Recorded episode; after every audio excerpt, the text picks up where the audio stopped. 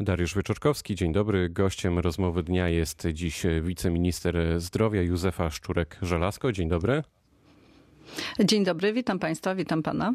Od 1 stycznia obowiązują w szpitalach nowe normy zatrudnienia pielęgniarek. Na oddziałach musi teraz przypadać na jedno łóżko określona część etatu pielęgniarskiego, tak to się nazywa. A lekarze mówią tak, to uderzy w pacjentów, bo konieczne może być zmniejszenie liczby łóżek. To brzmi niepokojąco, pani minister. Y, szanowni Państwo, na, na wstępie to chciałabym odkłamać y, pewne mm, y, informacje, które pojawiają się w przestrzeni publicznej. Przede wszystkim mieszkańcy zarówno województwa dolnośląskiego, jak i mieszkańcy Polski mogą czuć się bezpiecznie. Nie zostaną zlikwidowane łóżka, które są potrzebne, które, na, które będą służyły udzielaniu świadczeń zdrowotnych osobom, które potrzebują takiej pomocy. Taka sytuacja sytuacja nie nastąpi. Natomiast chciałabym wyjaśnić pewne kwestie. Otóż, e, szanowni państwo, e, ilość łóżek, którą aktualnie dysponujemy w Polsce e, jest jedna z wyższych w Europie, ale także i na świecie. Ale to nie jest niepokojące, natomiast niepokojące jest to, że ten potencjał jest w ogóle niewykorzystywany. Przeprowadziliśmy szczegółowe analizy. Takie analizy są prowadzone od wielu lat i okazuje się, że średnio w Polsce wykorzystujemy około około 67% y, potencjału łóżkowego w szpitalach.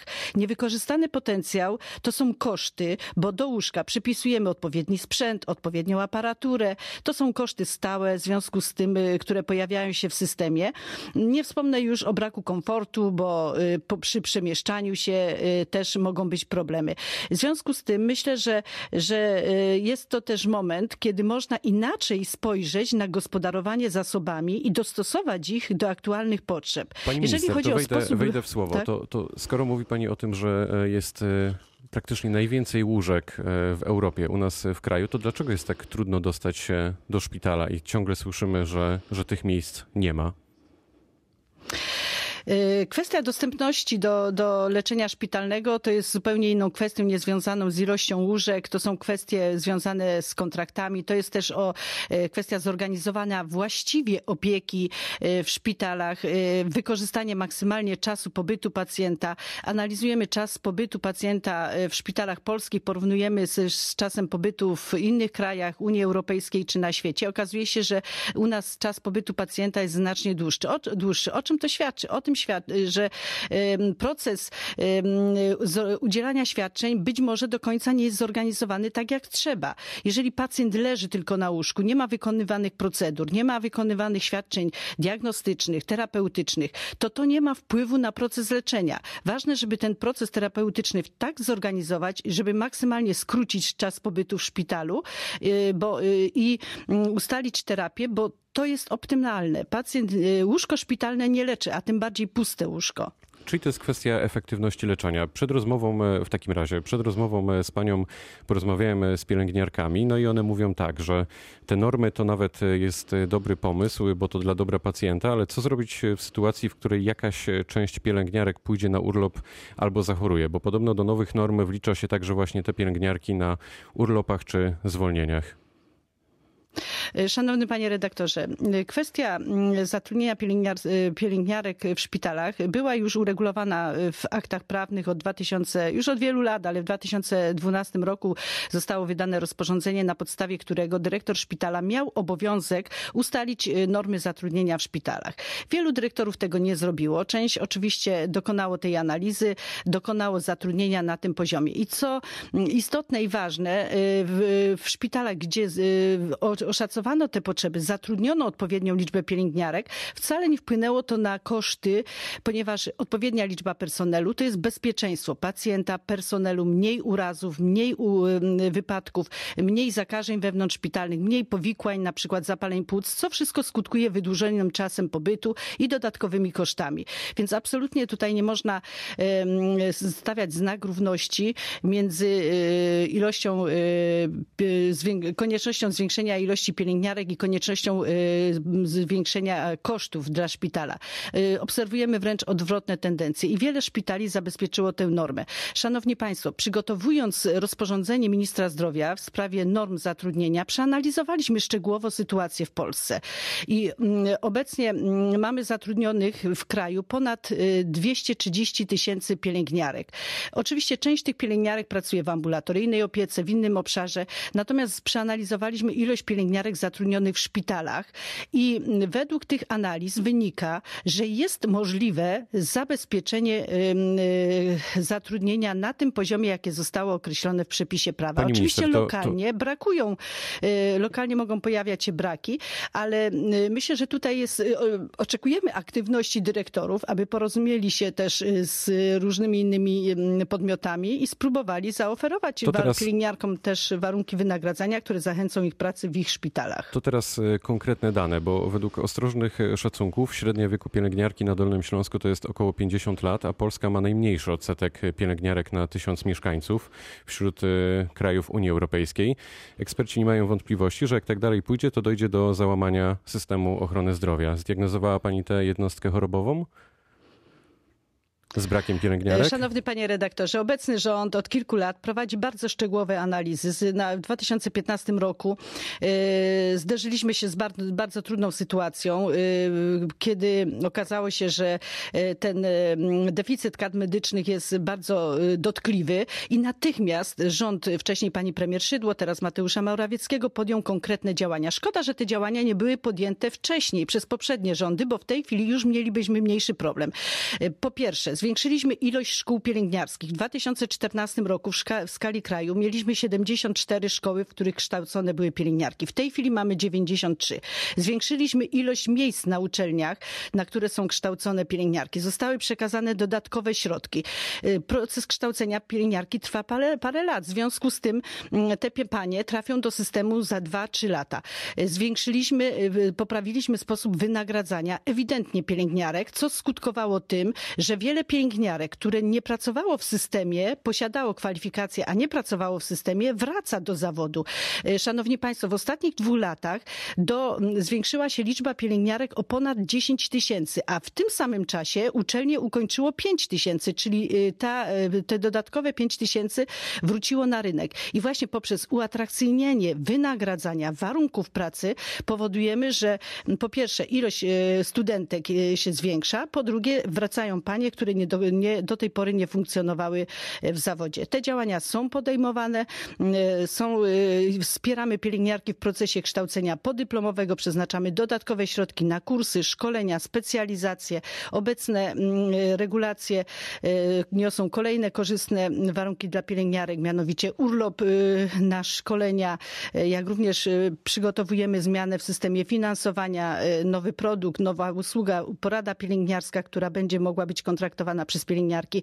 Więc y, wszystkie te działania powodują, że obecny rząd stwarza y, lepsze warunki dla funkcjonowania i realizowania się w zawodzie pielęgniarki. I Pani minister, widać efekty, to, to, to jeszcze a mam nadzieję, że na w chwilę niedługim czasie będą jeszcze do, lepsze. do tego wieku pielęgniarek, bo w kolejnych latach e, te nasze pielęgniarki e, zaczną przechodzić na emerytury i też mówi się o tym, że powstanie tak zwana luka pokoleniowa, bo młodych pielęgniarek jest e, znacznie mniej i wtedy szpitalom będzie trudno spełnić te normy, które narzuciliście. Czy, czy bierzecie to pod uwagę? Macie jakieś symulacje, jak ewentualnie tutaj się zachować?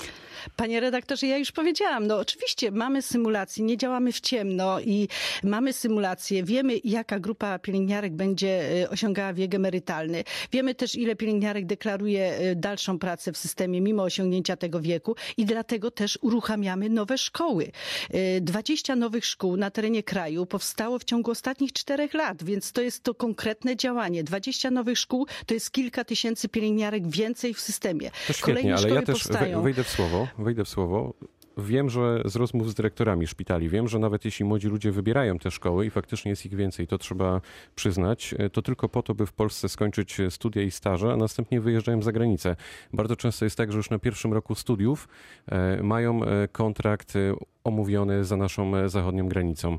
Czy ministerstwo ma pomysł, jak zatrzymać tę kadrę? Jesteście tego świadomi? Panie, panie redaktorze, no sam pan powiedział, dyrektorzy o tym mówią, natomiast nie ma potwierdzenia. Ja myślę, że wiele w przestrzeni publicznej pojawia się fałszywych różnego rodzaju stwierdzeń. Trzeba się opierać na faktach. Pielęgniarka, żeby mogła pracować za granicą, musi uzyskać potwierdzenie kwalifikacji. Takie potwierdzenie kwalifikacji wydają okręgowe izby pielęgniarek i położnych. I z danych, które otrzymujemy z okręgowych izb pielęgniarek i położnych, absolutnie nie zwiększa się ilość pielęgniarek, które występują o zaświadczenia o tych kwalifikacjach. Oczywiście pojawiają się sytuacje, kiedy panie występują. Często są to osoby takie, które pracują w tych obszarach przygranicznych, pracują na terenie Polski, a dodatkowe dyżury biorą na przykład w Czechach, na Słowacji czy w Niemczech. Natomiast ta fala emigracji, mam nadzieję, że już minęła. Warunki wynagradzania pielęgniarek ulegają poprawie, wykonywania zawodu pielęgniarki ulegają poprawie i to, ta ilość przyrastająca w ostatnich latach, ilość pielęgniarek w systemie świadczy o tym, że ten problem takiej wzmożonej migracji mamy za sobą. A macie pomysł na to, jak zachęcić młodych ludzi do tego, by wybrali ten zawód? Tym pomysłem jest przede wszystkim motywacja finansowa. Jak zapewne Państwo wiecie, w ostatnich latach nastąpił wyraźny wzrost wynagrodzenia pielęgniarek i położnych. Ostatnie porozumienie podpisane między ministrem zdrowia a pielęgniarkami nakłada obowiązek podwyższenia wynagrodzenia zasadniczego, powtarzam, zasadniczego o 1100 zł od 1, od 1 września, a od 1 w 2019 roku, w tym roku już od 1200 zł. To są konkretne propozycje dotyczące właśnie urlopu szkoleniowego. To są, to są konkretne propozycje nowych świadczeń, których, który, w ramach których pielęgniarka może wykorzystać swoje doskonałe kompetencje. Tak jak powiedziałam, przygotowujemy nowe usługi pielęgniarskie odrębnie finansowane. Porada pielęgniarska, która, którą pielęgniarka może realizować w poradni podstawowej opieki zdrowotnej, w specjalistyce, gdzie może przyjąć pacjenta, dokonać badania fizykalnego, przepisać leki, jeżeli będzie taka potrzeba, bo ma takie kwalifikacje już na podstawie aktów prawnych wcześniej wydanych. Może też skierować na badania, więc jest to też takie, taka zachęta do pielęgniarek, żeby zechciały realizować się zawodowo w polskim systemie ochrony zdrowia. No właśnie, pani minister. Pielęgniarki mają zyskać większe kompetencje. Rozumiem, że to się wydarzy w tym roku. Będą między innymi mogły badać pacjenta, wypisać receptę na kontynuację leczenia i tak dalej. Ale czy to jest jednocześnie dobry pomysł, skoro tych pielęgniarek brakuje, żeby dawać im kolejne kompetencje? Znaczy, jaka jest idea tutaj, żeby odciążyć lekarzy, system zdrowia? Szanowny panie redaktorze, obecnie w Ministerstwie Zdrowia, w Departamencie Nauki Szkolnictwa Wyższego zajmujemy się nie tylko kwestią braku pielęgniarek, ale totalnie wszystkich zawodów medycznych i analizujemy kompetencje poszczególnych grup zawodowych. Okazuje się, że wiele, wiele zadań, które realizowane są na przykład przez lekarzy, niekoniecznie lekarz musi wykonywać, bo na przykład może wykonać je pielęgniarka, może wykonać fizjoterapeuta, może wykonać farmaceuta. Również część zadań, które aktualnie wykonuje pielęgniarka, nie musi wykonywać pielęgniarka, bo może to wykonać na przykład opiekun medyczny, może sekretarka medyczna, może też inna osoba, która będzie wspierała w procesie pielęgnowania. I właśnie takie zadania w tej chwili są realizujemy, w tej chwili analizujemy, inwentaryzujemy te wszystkie kompetencje i będą odpowiednie akty prawne przygotowane, gdzie będziemy dawać możliwość wykonywania pewnego rodzaju świadczeń, świadczeń innym zawodom medycznym. Tutaj w przypadku pielęgniarek mam na myśli właśnie opiekunów medycznych czy sekretarki medyczne, które mogą w dużym stopniu odciążyć. Pielęgniarka nie musi wykonywać czynności związanych na przykład z transportem pacjenta na badanie diagnostyczne, czy nie musi wykonywać czynności higienicznych, bo to może wykonać opiekun. I właśnie w tym kierunku idziemy. Od 1 stycznia obowiązuje rozporządzenie ministra zdrowia, które nakłada na dyrektorów szpitali obowiązek zatrudnienia opiekuna medycznego. I właśnie w tym, po to takie rozwiązania przyjmujemy, aby odciążyć pielęgniarki od tej pracy, której niekoniecznie muszą wykonywać, a aby pielęgniarka miała czas realizować się zawodowo i wykorzystać swoje kompetencje, które nabyła w toku kształcenia na studiach wyższych, bo aktualnie kształcimy pielęgniarki na studiach wyższych. Pani minister, ponieważ musimy kończyć to pytanie na koniec, prosiłbym jednym zdaniem o deklarację. Czy w takim razie może pani zadeklarować na naszej antenie, że faktycznie faktycznie te łóżka w szpitalach nie będą likwidowane i, i wszystko jest pod kontrolą.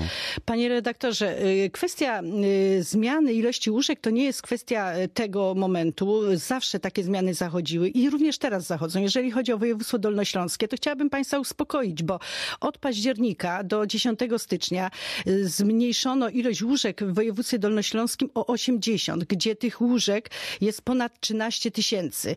Więc jest to naprawdę nieznamienna liczba. Wpłynęły kolejne wnioski, to są wnioski na 64 łóżka, więc nie wiem skąd pojawiają się w przestrzeni publicznej takie informacje, że tysiąc czy dwa tysiące. Ja mówię o faktach. Takie wnioski wpłynęły i te wnioski, co ciekawe, tylko jeden z tych szpitali zgłasza, że z powodu pielęgnia braku pielęgniarek. Natomiast pozostałe szpitale informują, że prowadzą zmiany reorganizacyjne, przekształcają oddziały stacjonarne na oddziały dzienne, bądź też likwidują działalność z różnych powodów, niezależnie od norm pielęgniarskich. I tu Więc ja stawiamy kropkę prosiłabym, w takim aby- razie. Bardzo dziękuję. Myślę, że ta, podciągać ta deklaracja normy z Pani pielęgniarskie. strony jest wyraźna. Bardzo dziękuję. Gościem rozmowy dnia jest dziś, była dziś wiceminister zdrowia Józefa Szczurek-Żelazko. Bardzo dziękuję. Dziękuję bardzo. Pytał, pytał Dariusz Wyczorkowski. Dobrego dnia.